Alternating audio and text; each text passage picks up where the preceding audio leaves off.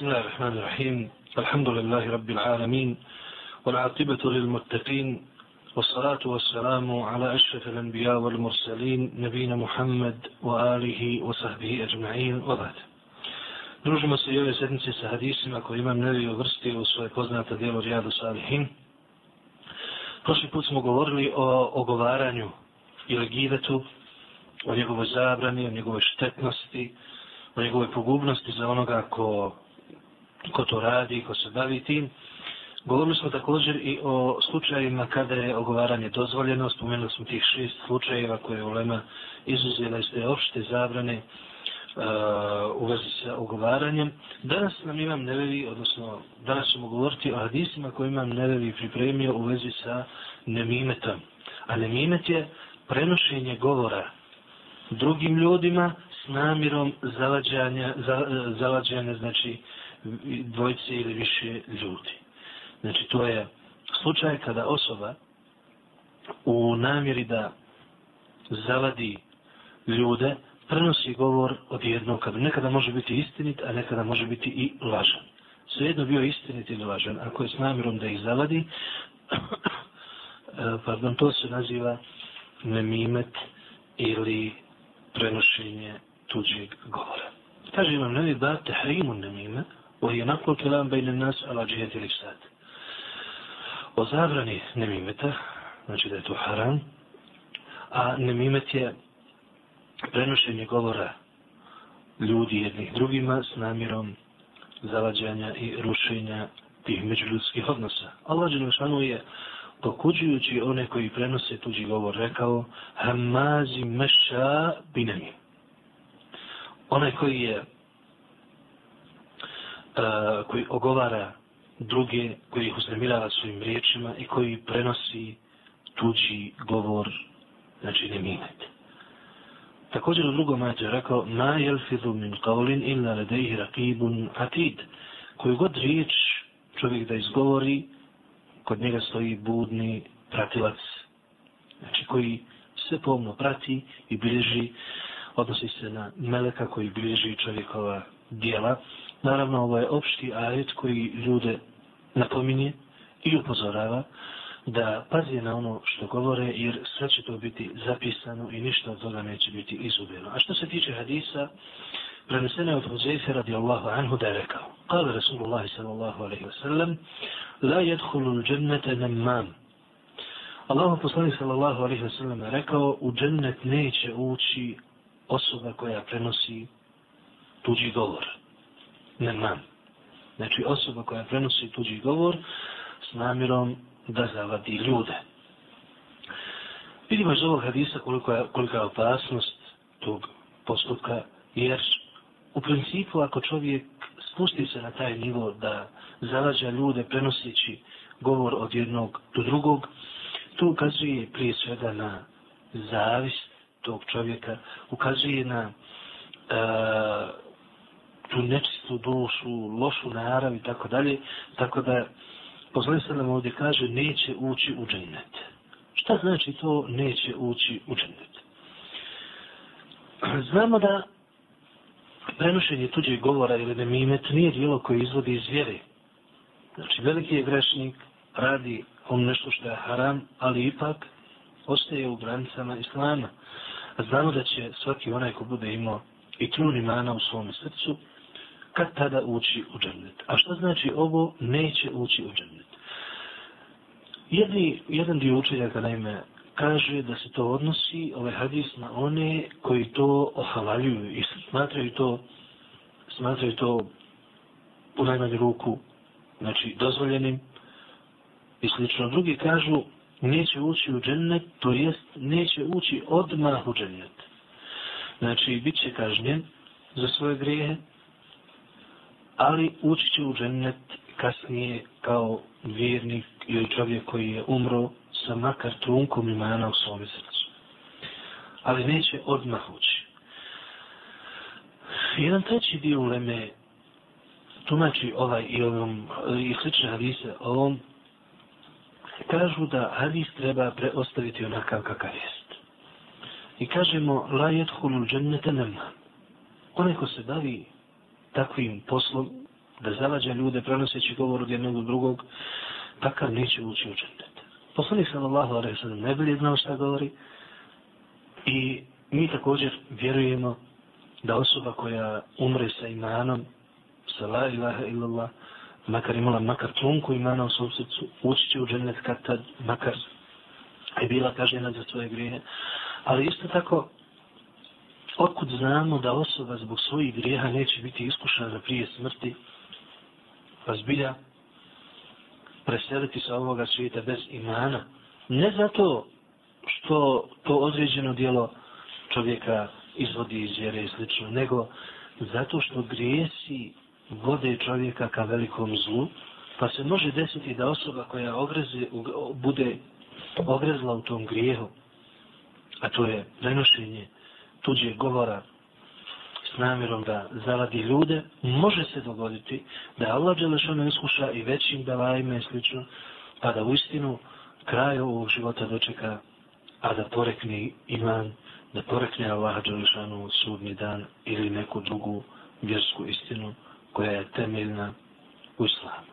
A Allah Đelešanu najbolje zna. Mi kažemo, ovaj hadis nas upozorava i upozorava ljude da se klonje tog postupka jer taj postupak, taj nemimet je prepreka na putu ka džennetu.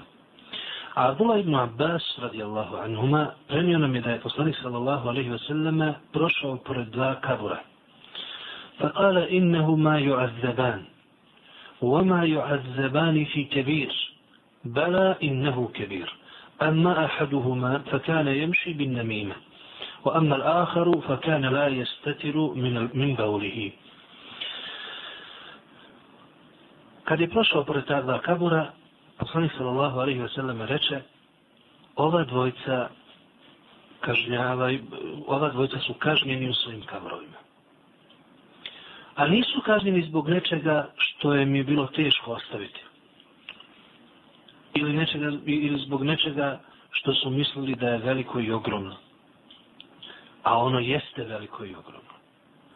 Jedan od njih je raznosio nemimet među ljudima.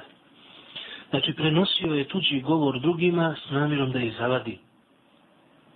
A drugi nije se čistio od mokraće i nije se čistio prilikom male nužde.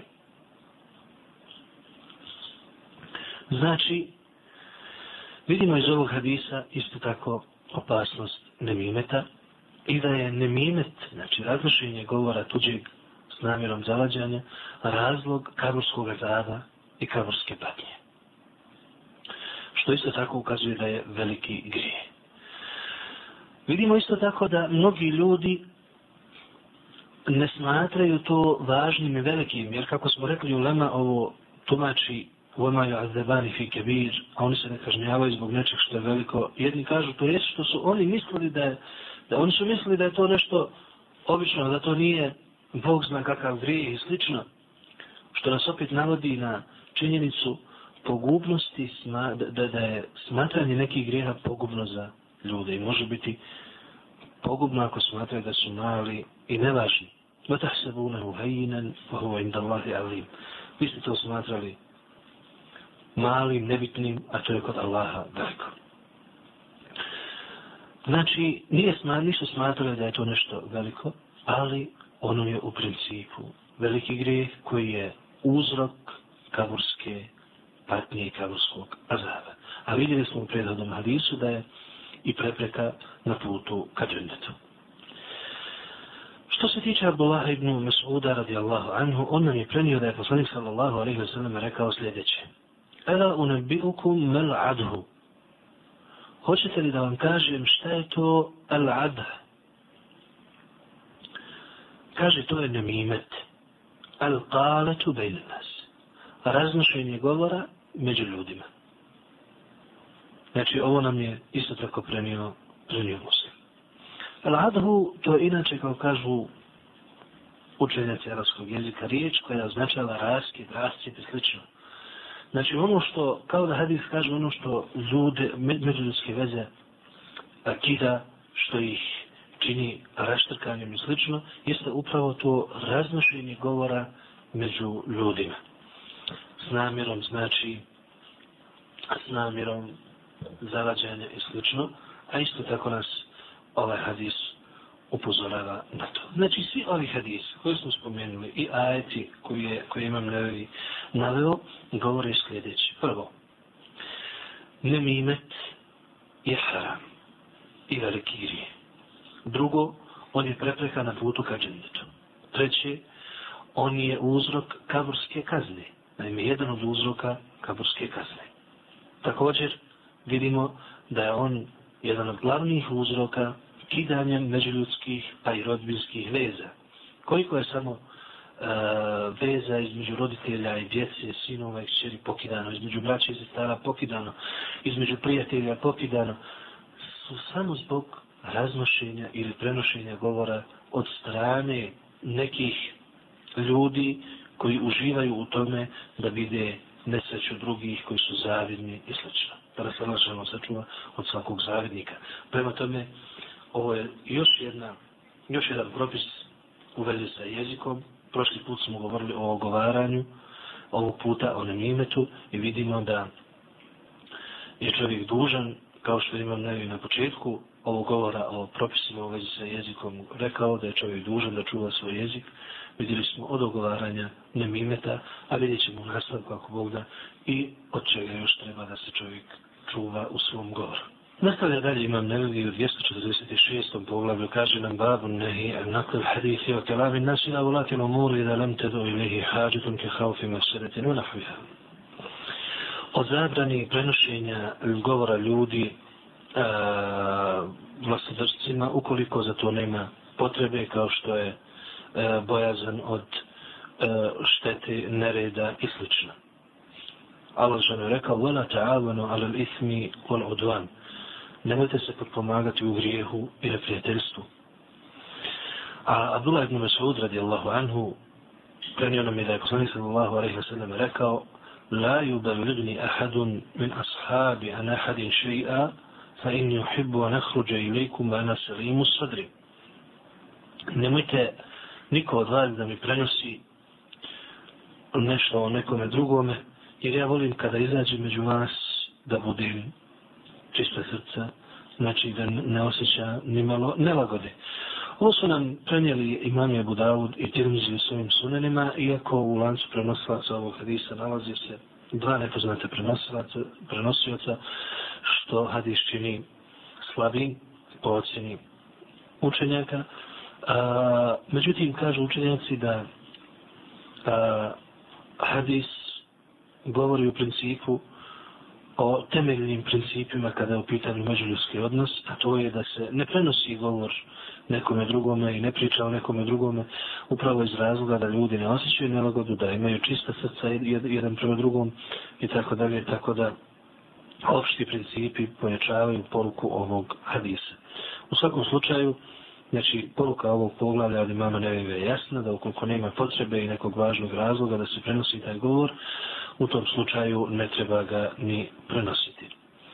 A dalje imam Nevevi nam govori o pokuđenosti dvoličnosti, pa kaže Bab den muzil veđhein, o pokuđenosti onoga ko nastupa dvolično. Rekao je Allah Đelešanu, jestahfune min nasi, vola jestahfune min Allah, وهو معهم إذ يبيتون ما لا يرضى من القول وكان الله بما يعملون محيطا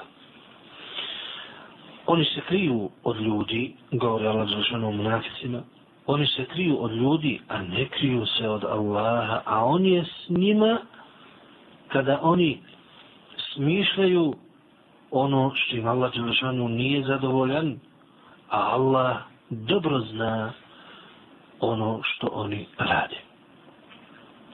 Znači, Allah Đelešanu ovdje govori o jednom stanju munafika, koji kada budu s ljudima, kada budu s vjernicima, kada budu s muslimanima, govore jedno, a kada se osame, govore nešto sasvim drugo. Naime, munafici u vrijeme poslanika, sallallahu alaihi wasallam, kada bi bili s njim i kada bi bili sa ishabima, imali su jednu priču, a kada bi se osamili na uzbila, znači u svojim kućama i jazbinama i mjestima gdje su se susretali, govorili su nešto sasvim drugo protiv poslanika, sallallahu protiv ashaba i protiv vjere. Allah Želešanu ih kudi zbog toga i obavještava i da on to dobro zna i da je on s njima, znači Allah on je s njima svojim znanjem i vidi ih i čuje ih. Znači on je s njima kad oni to rade svojim znanjem, viđenjem i time što čuje ono što govore. A Ebu Hureyre radijallahu anhu kaže nam da je poslanik sallallahu alaihi wa selleme rekao Tadidun nase ma'adin خيارهم في الجاهلية خيارهم في الإسلام إذا فقهوا. وتجدون خيار الناس في هذا الشأن أشدهم له كراهية. وتجدون شر الناس ذا الوجهين الذي يأتي هؤلاء بوجه وهؤلاء بوجه. Kaže poslanik sallallahu alaihi wa sallam u ovom hadisu, ljudi su poput uh, poput e, metala. Znači, poput onoga što se nalazi u zemlji od, od tih dragocjenosti i od onoga što je Allah ostavio. Znači, pa imamo nešto što je vrijedno, poput zlata i srebra, pa imamo i uglja, imamo i drugih nekih e, metala poput kamena i slično. Znači, tih, tako su, tako su i ljudi. Najbolji od ljudi su oni koji su najbolji i prije Islama, kada se poduče, naime kada nauče vjeru. Znači oni koji su bili najbolji, imali su najbolje porijeklo, najbolje ponašanje prije Islama, kada prihvate Islam i nauče se vjeri, oni su i dalje najbolji. Također ćete vidjeti, kaže poslanik sa sredom i naći, da su najbolji ljudi u vlasti, oni koji najviše mrze vladati. Ovo poslanik sa sredom postavlja kao pravilo. Oni koji su vlastoljubivi, koji vole i žele i sve bi dali za vlast, obično sprovode svoje prohtjeve. Međutim, oni koji ne žele to zbog odgovornosti i boje se toga, oni to obavljaju na najbolji način. U teži dune šaru nasi. I treći kaže, posle se naći ćete da su najgori ljudi dvoličnjaci, koji jednima dolazi s jednim licem, a drugima s drugim licem, kaže poslanik sallallahu alaihi wa sallam. Znači, ovaj hadis nam poručuje tri poruke, da su, da se ljudi razlikuju, da su oni koji su prije Islama najbolji kada prihvate Islam i kada nauče vjeru, oni ostaju najbolji. Također, da najbolji vladaju oni koji mrze vladati i slično. I treće je da su najgori ljudi dvoličnjaci koje čovjek ne može srstati u kakvu kategoriju, ne može biti siguran nikada s njima, ne može biti siguran uh, da kada bude s čovjekom, kada govori o njemu fino i kada se dogovara s njim i razgovara s njim i tako dalje, na lijep način, kada ode drugima, ogovara ga, vrijeđa ga i slično. Prema tome, to su najgori ljudi prema ocjeni poslanika sallallahu alaihi wa sallam. A preneseno je od Muhammeda ibn Zejda da su neki ljudi rekli njegovom eh, djedu Abdullahu ibn Omeru radijallahu anhuma إن ندخل على سلاطيننا فنقول لهم بخلاف ما نتكلم إذا خرجنا من عندهم قال كنا نعد هذا نفاقا على عهد رسول الله صلى الله عليه وسلم Znači neki ljudi su došli i rekli Abdullah ibn Omeru, mi kada uđemo kod naših vladara, i kada budemo s njima, govorimo drugačije, znači ne govorimo isto kao kad smo sami, kada nema njih. Pa im on reče, mi smo to računali za mjesto. Znači, kaže Abdullah Ibn Omer, u vrijeme poslanika sa sreda, mi, to jeste sahabi, računali smo to ulice mjesto. Čovjek treba da kaže ono što misli gdje god je, ili u najmanju ruku, ako misli da nije vrijeme da kaže nešto, onda da šuti. Znači, postoje dvije stvari ako vjeruješ u nešto i znaš da je nešto tako, ili da ga kažeš ako osjetiš da je za to vrijeme, ili ako smatraš da nije vrijeme, onda u tom slučaju treba da šutiš. Ali da govoriš jedno, a misliš drugo i govoriš jednima jedno, drugima drugo, to ne može biti. To ne bi trebalo biti, jer to je upravo ovo dvoličnjaštvo za koje je poslanik sa rekao a, ove sve hadise, rekao da su tako ljudi najgori i vidimo iz ajeta kada, kada je Alšan govorio o monaficima, a imam nevije to vrste ovdje, da je to svojstvo monafika. Znači dvoličnjaštvo da čovjek jednima govori jedno drugima drugo, s jednima se ponaša na jedan način, pa kada ode od njih na drugi način, tako dalje, to je dvoličnjaštvo i jedna od osnovnih i glavnih karakteristika munafika i licemira, a znamo kako je Kur'an govorio o njima i šta su hadisi poslanika su nama rekli o tome. Nakon dvoličnjaštva nastavlja imam nevi sa govorom o propisima u vezi sa govorom i jezikom, pa kaže nam Bab Tahrimul Kedib, poglavlje o zabrani laganja, o zabrani laži. Rekao je Allah Đelšanu, voda takfu ma lejse leke bihi ilm. I ne povodi se za onim što ne znaš. Majetu je rekao, ma jelfizu min kaulin ila ladrihi rakibun atid. Ako ju god riječ da progovori, kod njega stoji budan, budan pratilac, koji prati sve što govori i zapisuje, znači rekli smo da je to melek koji zapisuje ljudska djela. A prenio nam je Abdullah ibn Mas'ud radijallahu anhu da je poslanik sallallahu alaihi wa sallam rekao inna sidqa jehdi ila l-birri wa inna l-birra jehdi ila l-đannah وإن الرجل لا يصدق حتى يكتب عند الله صديقا وإن الكذب يهدي إلى الفجور وإن الفجور يهدي إلى النار وإن الرجل لا يكذب حتى يكتب عند الله كذابا Iskrenost vodi ka pokornosti i dobročinstvu, a dobročinstvo vodi ka džennetu. I čovjek bude iskren sve dok da kod Allaha ne bude upisan kao iskreni rob. A laž vodi ka grijehu, a grijeh vodi ka džehennemu. I čovjek laže sve dok kod Allaha ne bude upisan kao lažec. Znači, poruka hadisa je jasna i govori o pogubnosti laži i da laž povlači drugu laž a laž kao grijeh povlači druge grijehe za sobom, a naravno grijesi vode ka džahnemu kao što smo vidjeli, dok iskrenost upravo suprotno vodi ka dobru, dobročinstvu, pokornosti i drugim dobrim dijelima i čovjek stiče stepen siddika, iskrenog vjernika upravo sa svojom iskrenošću. A Abdullah ibn Amr ibn al-As radijallahu anhuma prenio nam je da je vjerovjesnik sallallahu alaihi wa sallam rekao arba'un man kunna fihi kane munafikan harisa. ومن كانت فيه خصلة منهن كانت فيه خصلة من نفاق حتى يدعها إذا اؤتمن خان وإذا حدث كذب وإذا عاهد غدر وإذا خاصم فجر Kod koga se nađe četvero, on je pravi munafik, pravi licemjer. Ako koga se nađe jedno, jedno od tih četiri osobine, kod sebe posjeduje jedno od, od osobina licemjerstva, sve dok se toga ne, ne riješi. Kada mu bude nešto povjereno, on to pronevjeri. Kada govori, laže. Kada se dogovori, prekrši ugovor. I kada se svađa, prelazi granicu u tome i vrijeđa druge preko granice.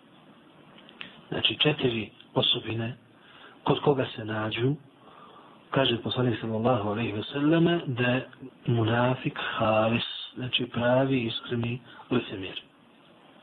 Kod koga se nađe pronevjera. Kad god mu se nešto povjeri, on to prosto pronevjeri. I drugo, kada govori, slaže odmah. Kada se dogovori i napravi ugovor s nekim on to prekrši i kada se svađa, vrijeđa druge i prelazi granicu u tome. Jer kažemo svađa, tu se odnosi također i na suđenje, kada je parniči se s nekim, ima neku parnicu i slično, također se na to odnosi. Znači, ove četiri osobine, poslani se je spomenuo kao osobine licemjera, a između njih je i laž, prema tome treba je se kloniti da bi čovjek bio što dalje od lice mjesta. Abdullah ibn Abbas, radijallahu anhuma, od vjerovjesnika sallallahu alaihi sallam je premio da je rekao من تحلم بحلم لم يره كلف أن يعقد بين شعيرتين ولم يفعل ومن استمع إلى حديث قوم وهم له كارهون صب في أذنه الآن الآنك يوم القيامة ومن صور صورة عذب وكلف أن ينفخ فيها الروح وليس بنافخ U drugom hadisu od Abu Laha ibn Abbas radijallahu anhuma kaže nam poslanik sallallahu alaihi wa sallame ko kaže da je sanjao nešto, a nije sanjao, bit će mu dato da seže i napravi uh, čvor od, seže dvije, dvije dlake, ali to neće moći uraditi. I ko, ako bude slušao tuđi govor, a on ne želi da on to sluša i prisluškuje, u njegove uši bit će sasut bit, bit će sasuto rastopljeno olovo na sudjeme danu i ko bude naslikao nekakvu kipa ili neku sliku koja ima dušu, živo biće, znači bit će kažnjen zbog toga i bit će zadužen da udahne u nju dušu, a neće moći. Ovo nam je premio imam Buhari. Znači ovdje nam hadis govori u principu o nekoliko stvari koje su zabranjene u šerijetu i koje je šerijet pokudio. Prvo, da čovjek laže osnovima. Znači, reći da je čovjek nešto usnio, a nije usnio, zabranjeno je i vidimo iz ovoga da se smatra velikim grijehom. Zašto? Zato što je san od Allaha Đelešanu. I mi ako slažimo da smo nešto sanjali, a nismo, kao da smo slagali na Allaha Đelešanu. Prema tome, nema nikakve sumnje da je to veoma pokuđeno i veoma zabranjeno, prema tome ne treba to činiti i ne treba raditi. Drugo, presluškivati tuđi govor je također zabranjeno i vidimo da je veoma pokuđeno. I spominje se čak i kazna kojom će biti kažnjen na kiametskom danu, a to je sasipanje rastopljenog olova u uši onoga koji bude presuškivo. I treće, slikanje i pravljenje kipova i slika koje imaju dušu, e, nečega što, što ima dušu, također je strogo zabranjeno i vidimo ovdje da će biti kažnjen, čak što više bit će zadužen da udahne dušu u to, a neće moći. Prema tome ovo troje je zabranjeno, a Hadis je na novi spomenuo s razlogom što govori o zabrani laži u vezi sa snovima, to jest da čovjek kaže da je nešto sanjao, a nije. Nastavljamo sa hadisima kojima nevi je vrsti u poglavlju o zabrani laži. Pa je prednio od Abdullaha ibn Omara radijallahu anhuma da je poslani sallallahu alaihi sallam rekao Afral fira en yuri ar ređulu ajnejhi ma lem taraja. Najveća laž je da čovjek kaže da je vidio nešto što nije vidio. Ovo nam je prenio imam Buhari. Prije svega ovo se odnosi na san, kao što smo predavno rekli, a ulazi to i druga, druge laži da čovjek e, kaže da je vidio nešto, a nije vidio. Potom na imam nevevi spominja ovdje jedan poduži hadis od Semura ibn Džunduba, radijallahu anhu, u kojem stoji da je on rekao kana Rasulullah sallallahu alaihi ve sellem mimma yukthiru an yaqula li ashabihi hal ra'a ahadun minkum min ru'ya فيقص عليه ما شاء الله أن يقص وأنه قال لنا ذات غدات Često je poslanik sallallahu alaihi wa sallam govorio svojim ashabima da li je neko od vas nešto sanjao Pa bi onda neko od prisutnih ispričao što Allah hoće da ispriča od tih snova.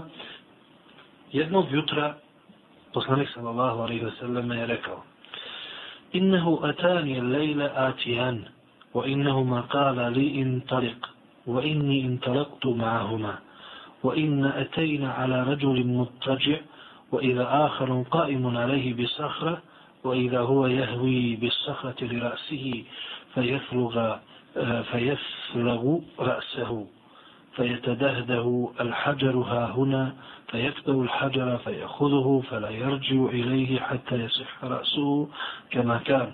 ثم يعود عليه فيفعل به مثل ما فعل المرة الأولى Došli su mi dvojica ljudi u snu i rekli su mi kreni s nama. I ja sam krenuo s njima I došli smo do jednog čovjeka koji je ležao. A drugi čovjek nad njim je stajao. I držao je u ruci kamen. Držao je u ruci kamen. I tim bi kamenom čovjeku razbio glavu. Kamen bi se otkotrljao, čovjek bi otišao do kamena i dok bi se vratio do tog drugog koji je ležao, glava bi postala ista kao što je bila prije toga, potom bi ponovo uradio isto što i prvi put. Kale kultu lehuma subhanallahi mahadan. Kaže poslanik, rekao sam toj dvojci u snu, subhanallah, šta je s ovom dvojicom? Ko su, šta rade ova dvojica? Intalik. فانطلقنا فأتينا على رجل مستلق لقفاه وإذا آخر قائم عليه بكلوب من حديد وإذا هو يأتي أحد شقي وجهه فيشرشر شدقه إلى قفاه ومنخره إلى قفاه وعينه إلى قفاه ثم يتحول إلى الجانب الآخر فيفعل به مثل ما فعل بالجانب الأول. فما يفرغ من ذلك الجانب حتى يصح ذلك الجانب كما كان ثم يعود عليه فيفعل مثل ما فعل في المرة الأولى. Kažu oni meni kad sam ih to upitao, kreni dalje, kreni dalje. I krenuli smo dalje i stigli smo do čovjeka koji je ležao na zatilku, na svom potilku, a drugi je stajao sa železnom šipkom koja je bila kukasta. I onda bi jednu, jednu stranu njegovog lica probio sa tom šipkom, potom bi i drugu stranu isto tako uradio. I kad bi završio sa jednom stranom, druga bi se vratila kako je i bila i ponovo bi uradio isto tako kao što je uradio i prvi put. Kaže poslani sa sallam, kultu subhanallah, ma hazan. Upitao sam ponovo, subhanallah, šta je sa ovom dvojicom? Kala li in tarik in tarik. Fantalakna fatejna ala misli nur. Kažu oni meni, idi dalje, idi dalje. I tako smo došli do jednog mjesta koje je ličilo na peć. فأحسب أنه قال فإذا فيه لغت وأصوات فاطلعنا فيه فإذا فيه رجال ونساء وإذا هم يأتيهم لهب من أسفل منهم من أسفل منهم فإذا أتاهم ذلك اللهب ضوضأ قلت ما هؤلاء قال, قال لي انطلق انطلق Mislim da je rekao, kaže E, čuli smo tamo neke glasove i viku, pa kad smo pogledali vidjeli smo uh, muškarce i žene bez odjeće. I ispod njih bila je vatra i kada bi plamen podigao se, vatra se rasprosala ispod njih, oni bi zavriskali, zavikali i potočali ka gore. Rekao sam, ko su ovi, šta je s ovim? A ova dvojica mi rekoše, idi dalje, idi dalje. فانطلقنا فاتينا على نهر حسبت أنه كان يقول أحمر مثل, مثل الدم وإذا فيه نهر وإذا في النهر رجل سابح يسبح وإذا على شط النهر رجل قد جمع عنده حجارة كثيرة došli su mjesta gdje je bila jedna rijeka, mislim, kaže proslav da je rekao da je crvena poput krvi. U rijeci se je kupao nekakav čovjek a na jednoj strani, na jednoj obali rijeke, bio je čovjek pored koga je stajalo brojno kamenje. Ima je dosta kamenja pored sebe. O iza dalike sabi jesva ma jesva, suma jeti dalike ladi zadžuna inda ukađara, fa jefkaru lahu fahu, fa yulqimuhu hađaran. Taj koji bi se kupao, došao bi do tog čovjeka, koji je stajao na obali, koji bi mu, kad bi došao, otvorio usta i u usta ubacio to kamenje. I čovjek bi se ponovo vratio kupati i nakon toga ponovo bi se vratio i svaki put kada bi dolazio do tog čovjeka, ovaj bi mu natrpao usta kamenje. Kultu lahuma mahadan. Upitao sam ih, ko su ova, šta rade ova dvojica? Kala li intalik, intalik. Odi meni rekoše, idi dalje, idi dalje. فانطلقنا فأتينا على رجل كريه المرأة أو كأكره ما أنت رأي رجلا مرأة Kaže, nastavili smo dalje i došli smo do jednog čovjeka koji je veoma ružno izgledao. Ili, kaže, prinosilac rekao, da, rekao je, to je nešto najružnije što, što si mogao vidjeti. Znači, čovjek koji je izgledao, koji je imao najružniji oblik koji, koji može čovjek da, da vidi i ugleda. Fejda huwa indahu narun i hušuha wa jesa haulaha. Taj čovjek je bio oko vatre koji je potpaljivao i pazio da se ne ugasi. Kultu lahu ma mahada. Pitao sam ih, ko je ovo, šta je ovo? Kala li intalik, intalik. فانطلقنا فاتينا على روضة معتمة فيها من كل نور الربيع وإذا بين ظهري الروضة رجل طويل لا أكاد أرى رأسه طولا في السماء Kažu, nastavi dalje, nastavi dalje i krenuli smo i došli smo do jedne uh, bašće koja je bila veoma uh, guste vegetacije, imala je mnogo zelenila. U njoj su se nalazili svakojaki plodovi. A u toj bašći stajao je veoma visok čovjek jedna sam uvidio glavu koliko je visoko. وإذا حول رجل من أكثر ولدان رأيتهم قط A oko čovjeka bilo je toliko djece da ih nikad na jednom mjestu nisam vidio više. On tu maha da upitao sam šta je ovo maha ola i ko su ova djeca? Kala li intalik intalik. Ponovo mi rekao še idi dalje i nastavi dalje. فانطلقنا فأتينا إلى دوحة عظيمة لم أرى دوحة القطع أعظم منها ولا أحسن. قال لي ارق, ارق فيها. فارتقينا فيها إلى مدينة مبنية بلبن ذهب ولبن فضة. فأتينا باب المدينة فاستفتحنا ففتح لنا فدخلناها. فتلقانا رجال شطر من خلقهم كأحسن ما أنت رائم وشطر منهم كأكبح ما أنت رائم. Pa smo, kaže, on dalje nastavili i došli do jednog mjesta koje je bilo najljepše što si mogao vidjeti i rekao im popise. Popili smo se i došli smo do jednog mjesta koje je izgrađeno od e, cigli, zlata i srebra, znači zlatne i srebrne e, cigle.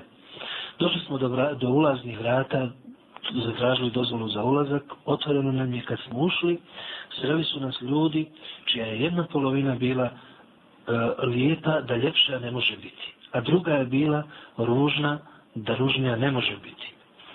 Pa su njih dvojica rekli njima, idhebu fa kao fi zalike nahar. Idite, i uđite u tu rijeku.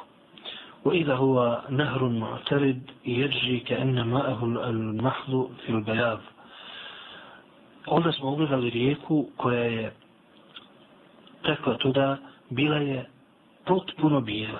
فذهبوا فوقعوا فيه ثم رجعوا إلينا قد ذهب ذلك السوء عنهم فصاروا في أحسن السورة. Ljudi su otišli, okupali se u toj rijeci kada su se vratili, ona ružna strana je nestala, otišla od njih i vratili su se u najljepšem obliku. Kala li hadihi džennetu an. Oni meni rekoše, ovo je džennet u kome će vječno se boraviti. Wa hadake menziluk. I pokazaše mi iznad i rekoše, ovo je tvoje mjesto u džennetu. Fa sema besari su oda. Podigao sam pogled i pogledao gore fe i da kasu mitlur rababel bajza. I ugledao dvorac poput bijelog oblaka. Kala li hadake menziluk. Rekoše mi, e to je tvoje mjesto boravka u džennetu. Kultu lehuma, barak Allahu fikuma. Fada rani fa edhulahu. Neka vas Allah blagoslovi, pustite me da uđem. Rekao je poslanik sallallahu alaihi sallam. Kala ammel fala fela. Rekoše mi, sada ne možeš. Wa ante dahiluhu. Ali ti ćeš u njega ući. Kultu lahuma fa inni raitu min lejla ađaba. Rekao sam im, noćas sam vidio mnogo čudnih stvari. Fama hada ladi rajit. Šta je to što sam vidio? Šta to znači?